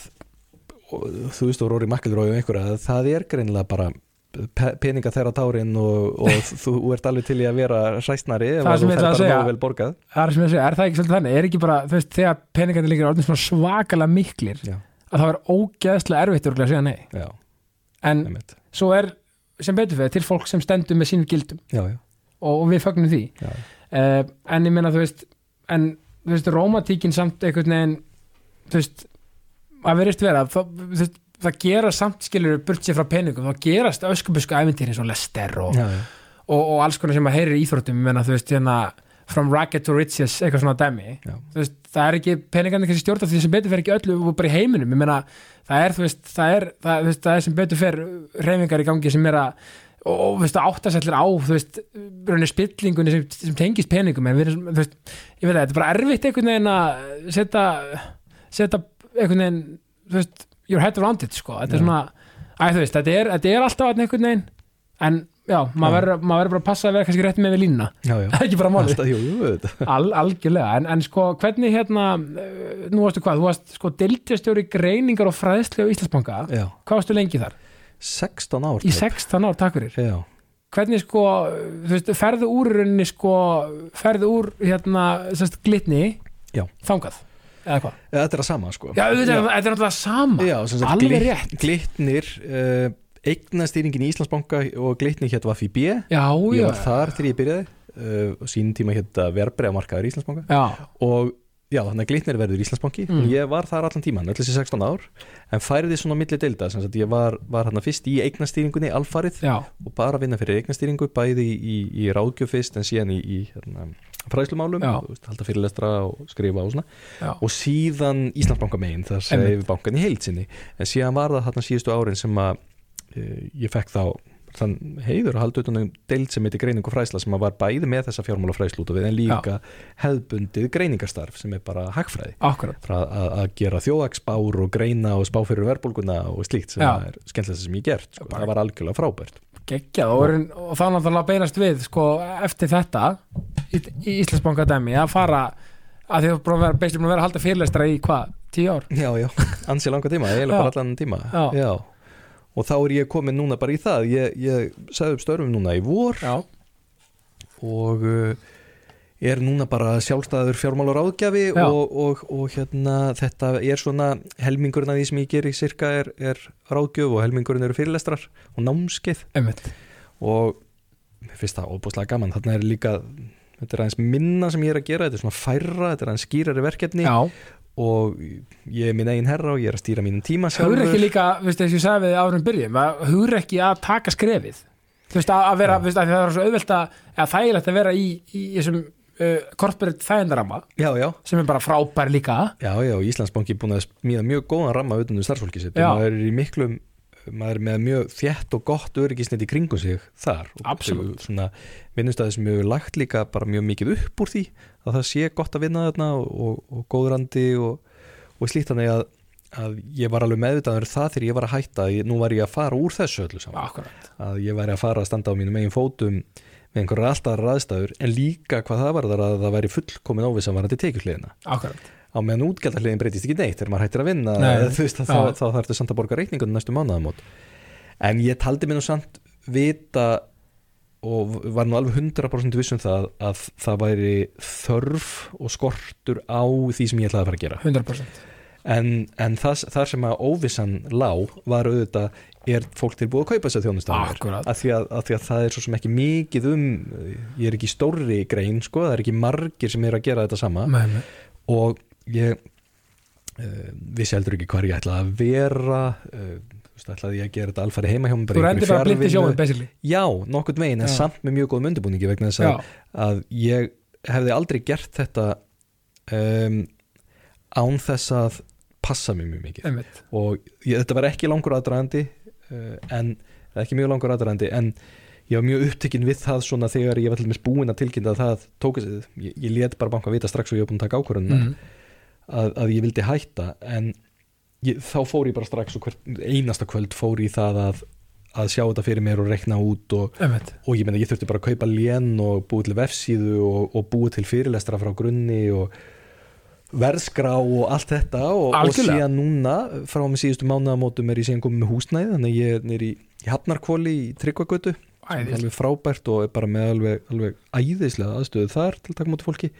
Og núna er þetta svona detta í rútínu og, og núna auðvitað hugsa ég þú veist við hvað var ég hrættur að, að gera Já, veist, af, eða af hverju hafði ég eitthvað ráðgjör en, en maður veit það ekkert fyrir en þá og maður verður að gera þetta maður, ég meina, Í skrefum. ég, já, og ég, ég, meina, ég ber ábyrð á ekki bara mér heldur, ég á fjölskyldu og, og ég þarf að þarf að passa sig þegar maður gerir svona þannig að, að ég allavega vildi vera ég hefði ekki gert þetta ég hefði ekki ald, aldrei stíði þetta skref ef ég hefði ekki verið búin að sjá það fyrir mér að ég geti lifað á þessu. Akkurat, þetta myndi ganga upp þannig. Einmitt. Þannig að ég var ekki tilbúin í að fara algjörlega að hætta og ætla síðan bara að sjá til og vona að þetta myndi einhvern veginn reddast. Nei, það er nefnilega, það er verið úr karakter á þér.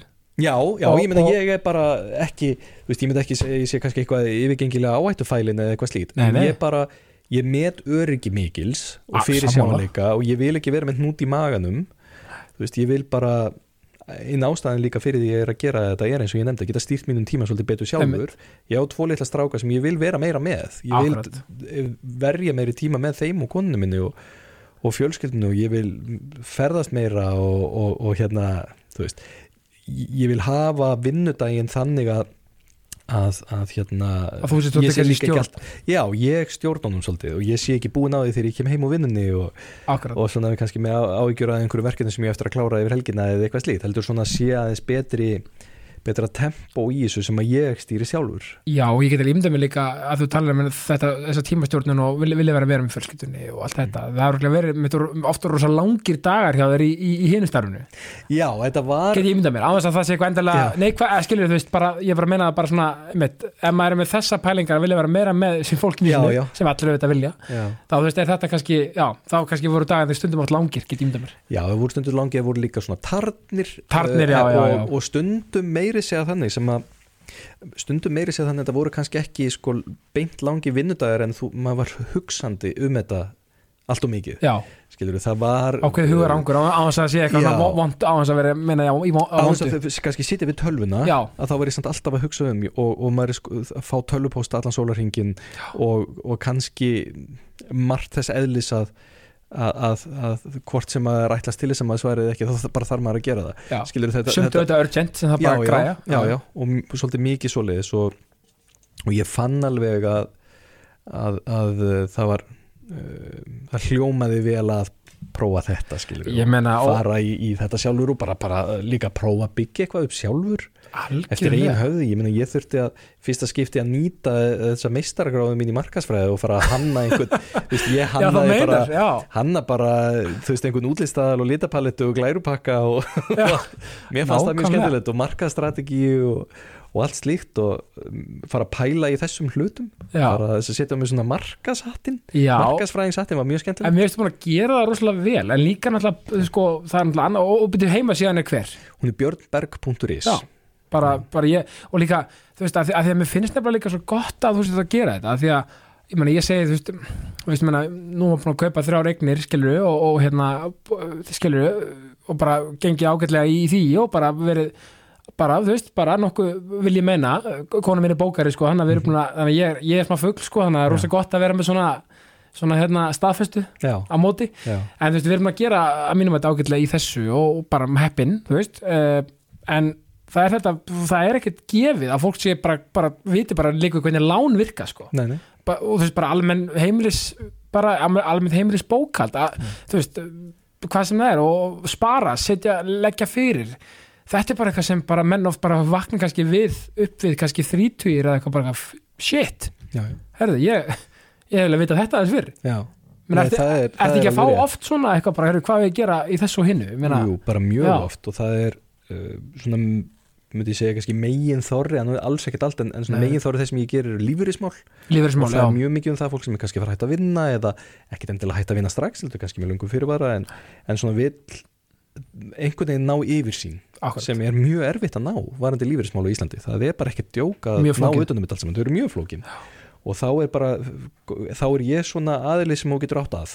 Þannig að þú, þú lítur til mín í 50 mínútur og, og við förum bara saman í gegnum málin. Já, og það er nú eiginlega alltaf þannig að svo þegar fundurinn er búin þá segir fólk að nú er ég ímisvísari og, og hérna veist, þetta, þetta er gott, nú skil ég þetta betur og ég, ég sé hvernig það losnar aðeins um smá hnúnd í manum á fólki. Akkurat. Sem er mjög gott og þá er fólk líka hérna búið að ná að spyrja einhvern og, og jafnvel búið að reyna að setja sín í málin áður en það er bara gott að eiga einhvern að að fá að bera undir einhvern. Og fá þetta mannamáli. Og fá þetta mannamáli nákvæmlega. Og Já. oft eins og varandi varandi lánamál og, og, og sparnað og slíkt líka. Auðvitað er þetta þannig að þetta er ekkert alltaf þetta, þetta, þetta er ekki þannig að þetta sé alltaf bara fólk sem að sem að er mjög illa að sér eða skilur ekki. Heldur er þetta bara þannig að þetta eru svo stóra fjárháslegar ákvarðanir? Algjörlega, að ég hef hitt fólk þar sem að ég bara nánast lagði ekkert að mörgum eða, eða mér fannst það eftir á en viðkomandi fannst þetta samt mjög dýrmætt en það var vegna þess að viðkomandi var búin að undirbúa sig gríðalega vel. Já, já, þetta var einhver sem var mjög fær og var búin að ná utan um sín mál vildi bara fá einhvern annan til að líta yfir þetta. Og, og, hugsa, og kannski gatt ég bent á einhver atrið eða bara sagt, veistu, ég, er ekki, ég, ég held að þetta sé bara alveg rétt hjá þér. Já, en það er svo gott að er það það gott. þessa vissu Já. líka bara, en yfir, yfirleitt er þetta það er eru, eru hérna undartekningatrið yfirleitt er þetta þannig að að, að, að, um, að þetta er svona mjög virt samtal og það er mikið Já. sem að það er frábært að fólk sko þóri að, eða þóri, veist taki skrefið og, og bara viðkynni fyrir sjálfsög heyrðu, þetta er allt í fokki hérna Já, þetta er flækja sem ég þarf að leysa. Af því það er öllum frábært. gefið að, að, viðkynna það sko. Nei, það finnst mér alveg frábært. Já, og sérlega góða punktur í það það, það er það er oft sem að fólk kemur sem segir uh, að þau séu búin að vera að tala um þetta í langan tíma. Já, og nú er ég nýbyrjaður í þessu. Kannski var það svona trigger hjá sumum til að segja já já, nú, nú ger, við erum búin að vera að tala um þetta nú gerum við þetta, nú er, nú er Björn hérna við höfum kannski einhvern mann mætt á fyrirlestur hjá honum eða Já, hittum já. útdorpinu eða eitthvað nú förum við og, og, og hittum á hann. Og eh, en, en það er rosalega algengt í fólki og þetta er ekki, þetta er ekkert með það að gera hversu velgeðu fólk er Nei, hversu nei. mentað það er eða eitthvað svoleiðis. En þessi tilfinning að fá bara hjartslátt og kaldan svita og hnút í magan og óþægindi við það að líta á sin eigin fjármál þetta er bara fullkomlega náttúrulegt og eðlilegt hjá fólki. Já. svona er þetta bara. Algjörlega. Og, og uh, það, þetta er eitthvað svona bara þetta er, þetta er varðandi margt. Ég er vissum að það er fullt af uh, gluggasillum og vesinni heima hjá fólki sem að fólki er löngu búið að koma auga á en það er ekki að gera neitt í þessu vegna þess að það bara guðminn góður. Þetta Ah, er bara að vera svo mikið mál. hefur sér ekki í það bara. hefur, hefur sig ekki í það, en veita vandamálinu. Og fjármálinu eru mjög oft svona. Og það að uh, setjast yfir þetta sjálfur já, og fyrsta spurningin er náttúrulega bara, veistu, ég veit ekki eins og hvað ég á að googla, Já. ég veit ekki eins og hvað ég á að byrja eða- hver ég á að tala við eða hver ég á að spyrja það sé ekki líka, líka oft sko, hvað er oft Já, hvað, einmitt, þetta er góð punktur, hvað, hvað er maður að byrja? Það Já. er einmitt svona, ég hugsa það einmitt svona þegar ég hef hugsað þetta svona kalt sko Já, hvað á að hvað byrja enda, skilur Já. og þá er einmitt stundum sem fólk kemur til mín og það segir það segir þetta ég er til dæmis eitt mannesku sem að, eh, eiginlega sagði við mig, veistu, ég, ég er hérna eiginlega bara að byggja þig bæði um að koma með spurningarnar og svörin sko.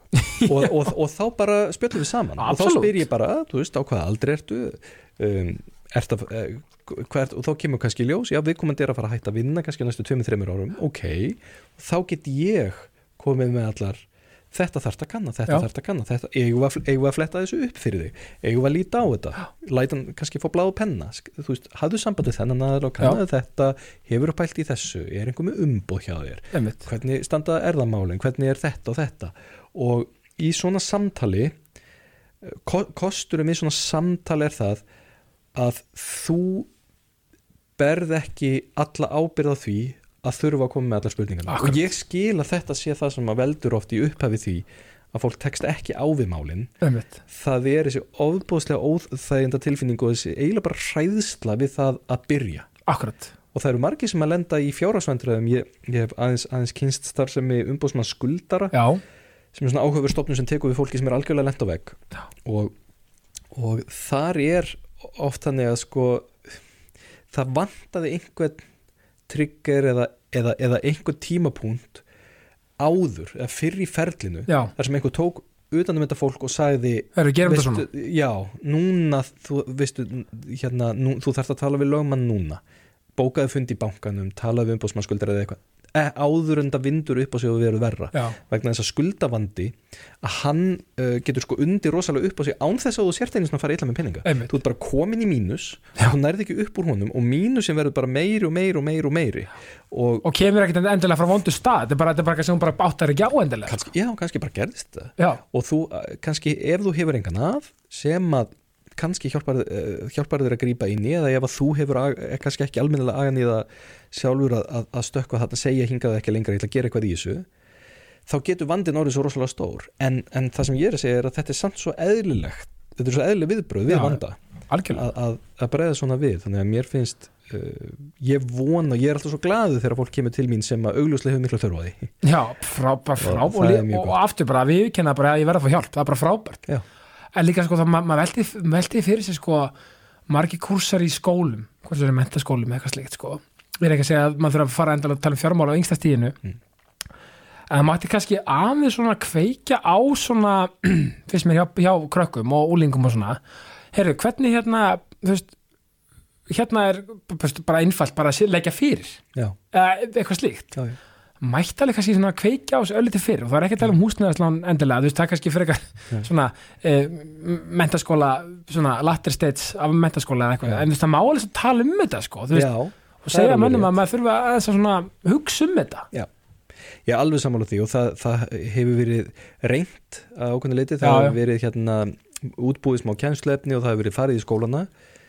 En, en þetta er ekki áberandi og þetta er ekki nógu Nei. mikið. En ég hef svolítið farið svona fram og tilbaka í þessum pælingum. Mm. ég er meira núna á því að það séu fóreldrarnir sem þurfa að gera uh, þú veist, já. og ég hef stundum bara hreinlega sagt þetta beint við fólk þegar ég hef heyrt einhvern vera kvarta yfir því að það sé ekki verið að kenna barninu þeirra fjármál í skólanum. Ert þú að gera það? Já, nei, af hverju ekki? akkurat. Og þá segir við ekki að ég kann þetta ekkert. Og þá segir, heyrðu, þú ert fullorðin manneski Google er nú bara í höndunum aður í þér. Ef að þú vilt útskýra fyrir krakkanuðinum hvernig á að, að spara eða ekki að eyða eða þessar hluti þá bara googlaru það og, og, og kenni barninuðinu akkurat, og þá ætti þetta kannski að vera smá sparkir sem að læra þetta sjálfur. Algjörlega. Þannig að ég, jú, ég, ég hérna þetta mætti vera miklu meira í skólanum en ég, ég finn þetta mjög mikið og ég hef stundum þegar ég verið að tala við framhaldsskóla krakka já, þá hef ég oft fundið mikið mun á því svona hvernig spurningarnir eru já, hversu mikið spurt eða hversu góðar spurningarnir já, eru já. og það hangir, að því að svo spyr ég líka oft að tala um peninga heima hjá okkur. Þetta, það er bara algjörlega beint samband þarna á milli að krakkarnir sem eru með bestu spurningarnar Já. og eru aktífastir í, í tímanum og eru að spurja og, og, og greinilega hafa einhvern smá áhuga það eru þeir sem að hafa alist upp í þessu það sem er eitthvað, það er ekki þar með sagt að við að fóreldrarnir sé að vinna í fjármálagerfinu alls ekki, það er bara þar sem að það er ekki tabu að tala um þetta á heimilinu. Já, og, bara vera að kenna fólki kannski að fara ágætlega vel með peninga. Ég meina það, það sko, ég þóru náttúrulega fullir það, það að fara vel með peninga, það er nú ekkit sko íkja flóki sko í grunninn þetta er bara þú veist, þú hefur að eyða og að leggja fyrir eitthvað slíkt, Já. þetta er nú ekki sko Nei, Það þetta, þetta, er, þetta er yfirleitt tildulega einfald reiknistæmi í rauninni, Þetta já. er bara svona kaloríur inn og kaloríur út sko. já, já, en, en já, mér finnst eins og til dæmis ef, ef að sonur minn hann er nú ekki komið með komin að þann aldrei að gera eitthvað slít en ef hann er einhvern mann að fara að kaupa sér e- úlpu eða tölvu eða eitthvað án þess að staðgreða það, þá er ég að fara að stoppa hann. Já, af því að mér finnst, ég haf, þá hafa bara brúðið sem foreldri. Mér finnst það algjörlega fráleitt þegar að sérstaklega ungt fólk mm er að, að, að kaupa fyrir hlutu og borga fyrir það setna já, svona já, dreifa kreditkortinu sínu, raðgreislur, allir þessi hlutir. Þetta er ve- einhver versta fjármála hegðun sem ég ég þekki og ég þóla hann ekki. Nei, ég ég er alveg bara að fæ græna bólur og, og þetta er bara svona algjört grundvallar prinsip í Já. fjármálum sem við eigum að kenna bönnum okkar já, já, minnst það bara góða búndur þar ég, ég, ég hef ekki verið þessu. Þannig ég, ég, er, ég er staðgreðari já, frábært. Já, nei, þetta er bara mjög góð pæling og svo náttúrulega hveti fólk til að kíkja á einna bókina hérna já, Þú náttúrulega má ekki það gleyma því að þú- þetta er já. rithöfundur. Já, ég kemst ekki, byrju, hvernig var aftur Nei, það var, ekki, eftir- var ekki Egil sem að gátt bók og, og þá breyttuðu reglunum að, að þú þyrftir að hafa gefið tvær, var það ekki? Jú, ég held sem að það. þurfti að hafa lagt eitthvað til uh, reitlistarinnar á Íslandi Þú sérst ekki, ekki í sambandinu Nei, ég er ekki samband, Nei. ég er bara búin að gefa þetta eina bók sem Já. heitir peningar Já, sem er ótrúlega áhugavert og það er náttúrulega eitthvað snýr að þínum áhugamálum svolítið, Já. svona fótbolta á flera Já. farið í saumana á mörgu skemmtilegu og áhugaverðu Já. og það sem ég tók úr henni að þetta var líka dálítið svona bara svona skemmtibók Já, það var nú ætlunin svolítið. Já, já, ég meina að þetta er bara afþreying. Já, þetta er afþreying en þetta er mjög, og þetta er náttúrulega líka praktik og ótrúlega áhugavert sko, og fræðandi. En, en sérstaklega fyrir mig eins og fótbolta áhugamanni mig að lesa um þetta, þetta Blackburn dæmi og hvað sem það var þau skilur, þú veist, þannig að þeir allt er náttu peninga Já. og hvað sem það var, hvernig þetta mekanismin er og hvernig þetta byrja, þetta er ótrúlega mæ- mæli bara hindrið með þessari bók bara já, hjartanu, þetta er ótrúlega skemmtileg bók og og, og, og raunni, þú veist, bara vantarleika sem þú er búin að sanga að þig bara í fróðleik gegnum tíðina. Já, já, þetta var nú svona helmingurinn aðeins við var nú bara í kollinum á mér sko, Já. og, og hérna fljótur að skrifa það.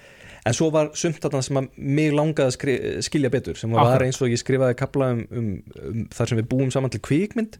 Fyrir mig gegnum svona ferli við það að við erum að búa til Hollywood kvikmynd og ég skal alveg við ekki ég skrifaði þann kapla vegna að ég var svo forvitin um það. Já, bara hvað kostar og útgjöld og veist, við, Já, bara nákvæmlega já. hvernig þú gerir það. Og ég meiri sé að sko til þess að svona fact-check allt sem ég gerði fekk ég kvikmynd að gera mann. Já, til þess að, já, já. Þannig að allt væri nú alveg satt og rétt og svona hva, hvað ég ætti að skoða sérstaklega og, og já, já, þannig að, en þetta er ég skrifa svona bók vonandi að fólk deili mínum áhugamálum. Þetta er það sem mér finnst fascinerandi og skemmtilegt og áhugavert og ég vona að öðrum finnst það líka. Já, og að það kvikni kannski einhver smá áhuga á, á fjármálum við það að lesa svona. Já, absolutt, ég meina, þetta er svo, ég meina, þú veist, ma einmitt, maður sér oft bara eitthvað blockbuster bíómynd, plaggat eða hvað sem það er, sko, auðlýsingu eða eitthvað trailer og maður sér fótbollalið bara, maður sér bara völlinn og glámurinn í kringu það, maður er ekkert að hugsa, sko, já, hvað ætli Barcelona Já, þeir eru alltaf búin að selja já, já, Já, já. já, já. skilur, maður, ma, ma, það er svo gaman að sko pæli þessu öllu og, og ótrúlega að sjá hversu marg, hversu mikið af stórum yðnaði er í rauninni bara on the brink. Já, já, þú veist, Já, já. menna, menna bara Barcelona er frábært dæmi, ég menna það er ekki mikið til að þeir bara, bara svo gott sem bara strókist út sko. akkurat, þannig að þú veist, það er mjög mikið þannig. Já, ég menna þetta er svona uh, ótrúlega áhugavert að, hérna, að, hugsa til þess að svona stóra stóðir hvað sem það er, getur raunverulega bara, já, bara bara- bara game over, já, veist, það er alveg rétt, ég er alveg samanlega því. ótrúlega magnað sko. já, en hvernig sko, svona í lokin sko, þú veist, er eitthvað svona þú veist, í bóði Dirty Banger Ribs já, er eitthvað svona, ertu með eitthvað innri möndur svona eitthvað sem drífuði áfram? Eitthvað svona, eitthvað innri drifkraft sem svona meðvitaður kannski?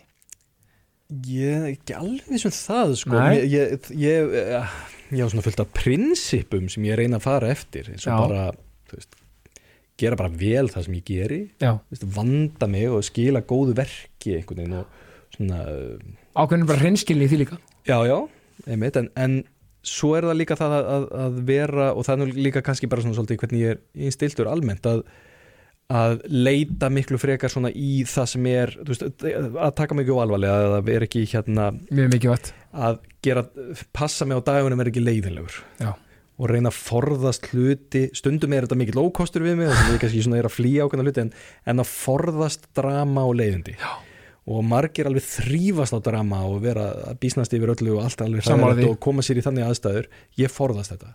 Og mér, mér finnst mér finnst skipta rosalega miklu máli að, að eins og þar sem ég er að vinna núna að bara mínu bestu vinnir eru á sama stað. Það er það æðislegt. alveg æðislegt og ég bara í dag og svo eru bara krakkarna þeirra hlaupandi og fóröldræðin er að kikið heimsótn og, og það skiptir mig ósvæðlega miklu málu og finnst mjög skemmtilegt að, að hérna að stilla einhvern veginn upp hlutunum þannig að öryggi sé alveg tryggt að, að maður vandi sér þannig og passi upp á fjármálin og, og að, að, að hérna þú veist, ég hef alltaf passa allir mis upp á það að þrátt verið að mér að fundist leiðilegt í skóla og hundleiðilegt í námu og eitthvað þannig, þá náði ég samt öllum prófunum sko.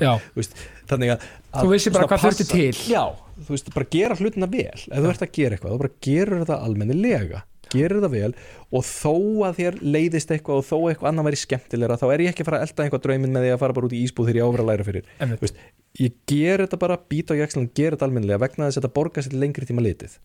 Vegna þess að þetta borgar sér og, og að það er alveg hægt að hafa balans í því að njóta lífsins en að vera samt vandvirkur og samvinskusamur og, og duglegur sko. og þannig að það er nú kannski svona það sem ég hef haft svolítið í huga með það sem ég geri. Og ég minna bara líka passa mig með það sem ég er að vinna við núna er að ég væri ekki að veita þessa þjónustu. Ég væri ekki að bjóða fólki í ráðgjöf eða halda fyrirlestra ef að ég væri ekki að bæta líf þeirra og hjálpa þeim sem ég er að þjónusta með þessu. Þannig að mér finnst það alveg óbúslega mikilvægt. Það er að skemmtilega sem ég fæ út af vinnunum minni er þegar ég veit að ég var að hjálpa einhverju mjög mikið og að, að peningurinn sem að þau borguðu er að skila sér margfall tilbaka. Veist, að það, það hérna það stiður mig mikið í því sem ég er að gera að passa alltaf upp á það. Og ég hef alveg neitað verk, afþakka verkefni þegar ég hef bara ekki verið vissum það að ég geti skilaði nógu vel.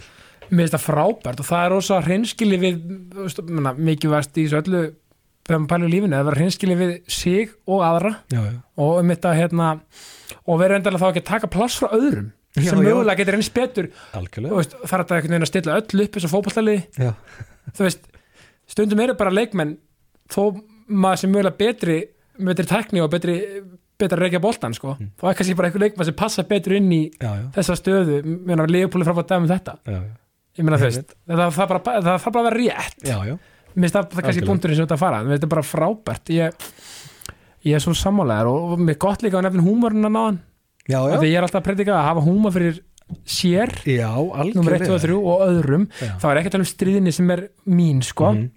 bara þú veist, hafa svolítið gaman að þessu. Já, bara taka sig ekki alvarlega þegar, við hérna vorum að tala um einmitt KVF á sínum tíma. Það var munurinn og okkur og til dæmis okkar nágrunum sem voru svona okkar heldur mótherjar voru að þeir tóku sig alveg ofbúslega alvarlega. Við gerum það alls ekki. Við, við vorum að kynna hverju öðrum og hafa gaman að þessu og ef einhver fittaði ekki inn í það þá fór hann við það voru alveg sumi sem bara komu og fóru Já. að því þeir pössu ekki inn í hópin Þið vorum, þið Og- vorum með þetta söndi lík hérna, attitude, en skilur við samt sem að meina bara í okkur, húmorinn. já, bara já. húmorinn var þannig að það mátt alveg þú veist, við vorum alveg að stríða hver öðrum og menn, þú veist það skemmtileg, allar skemmtilegustu minningarnar voru út af þessu, af því að það var svona samiðilegu skilningur á því hvernig húmorinn var og sá húmor byggði á því að menn tóku sig ekki of alvarlega. Akkurat og það er svo leiðilegt þegar að annars vegar sko fólk sem tekur sig ekki alvarlega og þeir sem eru virðast bara að verja öllum deginum í að leita að einhverju til þess að móðgast yfir. Akkurat. Og ég bara, ég nenni því ekki. Nei. ég ætla ekki að vera svolítið sjálfur og ég læt mér stundum hafa það en yfirleitt nenni ég ekki að vera umgangast þannig fólk heldur. Nei, að ég bara leita frekar í að það sé bara létt og skemmtilegt og jákvætt og, og svona það er, er dagurinn sem að mér finnst skemmtilegastur og er sáttastur eftir og fólki sem er best að vera nála já, bara engin vandamál bara lausnir sko. Já, í rauninni. Það er basically þannig og, og þá Já. kannski já, ég held að sé Einmitt. bara frábært á í blá lokin að koma bara með í bóði KS Project kvartning bara, bara kvartningu frá byrni bara út í daginn fyrir fólk. Já, það er, ég held að kvartning ef, ef við kannski ef við uh, smíðum hana einhvern veginn inn í fjármálin já, endilega. þa þá er það það að uh, býta á jakslinn þó að það sé kannski leiðilegt að, að, að, að þú veist, opna laptoptölun og fara inn í netbankan eða skoða þetta og fara yfir hlutina og ætla að, að líta yfir, yfir heimilisfjármálin að þá er tímakaupi rosalega gott. Já, og það hefur aldrei neitt séð eftir því. Það hefur enginn séð eftir tíma sem hann varði í það að nota tannþráð og það hefur enginn séð eftir tíma sem hann varði í það að, að hérna líta á fjármánu sín og, og svona fara vandlega yfir þau og passa upp á fjármánu sín. Það hefur aldrei neitt séð eftir því að hafa sparað peninga. Nei, það hefur enginn séð eftir því að hafa um, séð einhvern kannski óþarf út í búð og kaupa en, en svona anda eins og segja ég ætla að koma aftur á morgun og ef mér langar í þetta á morgun þá kaupi ég þetta. Akkurat. og svo kannski hættur við. Að vera í netvesluninu og setja þetta frekar í körfuna heldur en að kaupa þetta strax. Þú veist, svona bara skinsum fjárrakshæðun var þetta heimilisfjármálin það sér enginn eftir þessu. Það versta sem gerist er að þú átt bara aðeins meiri peninga. Og, og hérna þannig að, að kvartningi mín til fólks er að líta ekki á þetta eins og verkefni fyrir eitthvað annað fólk sem er bara spreng lært í þessu eða vinnur við þetta eða er, er eitthvað glans fólk á Instagram það er ekki þau það, þarf, maður- við þurfum ekki að vera uh, einhverja típur til þess að fjármálun okkar séu góðu lagi og til þess að fara vel í gegnum þau. Og líka annað að hvetja fólk til þess að hafa samband við aðra, ég menna það er engin svo heilagur og meir ekki heyri þeim. Nákvæmlega. Starfsfólk í lífyrirsjóðum, hjá skattinum í böngum, ég allir aðrir, ég meina heyra í þessu fólki. Já, af hverju ekki? Hugsanlega þarftu að borga einhverjum eða mörgum þarftu bara ekki að borga. Nei, nýta sérfræði þekkingu og velvild annara og fólks í kringum sig og fjölskyldumæðlum sem það treystir. Já, já.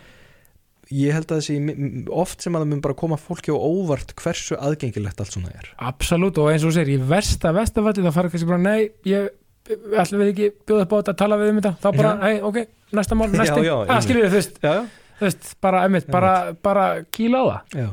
Bara, endilega. veist að Björnberg, takk, sko, ég er svo ég er upplýfgaður hérna.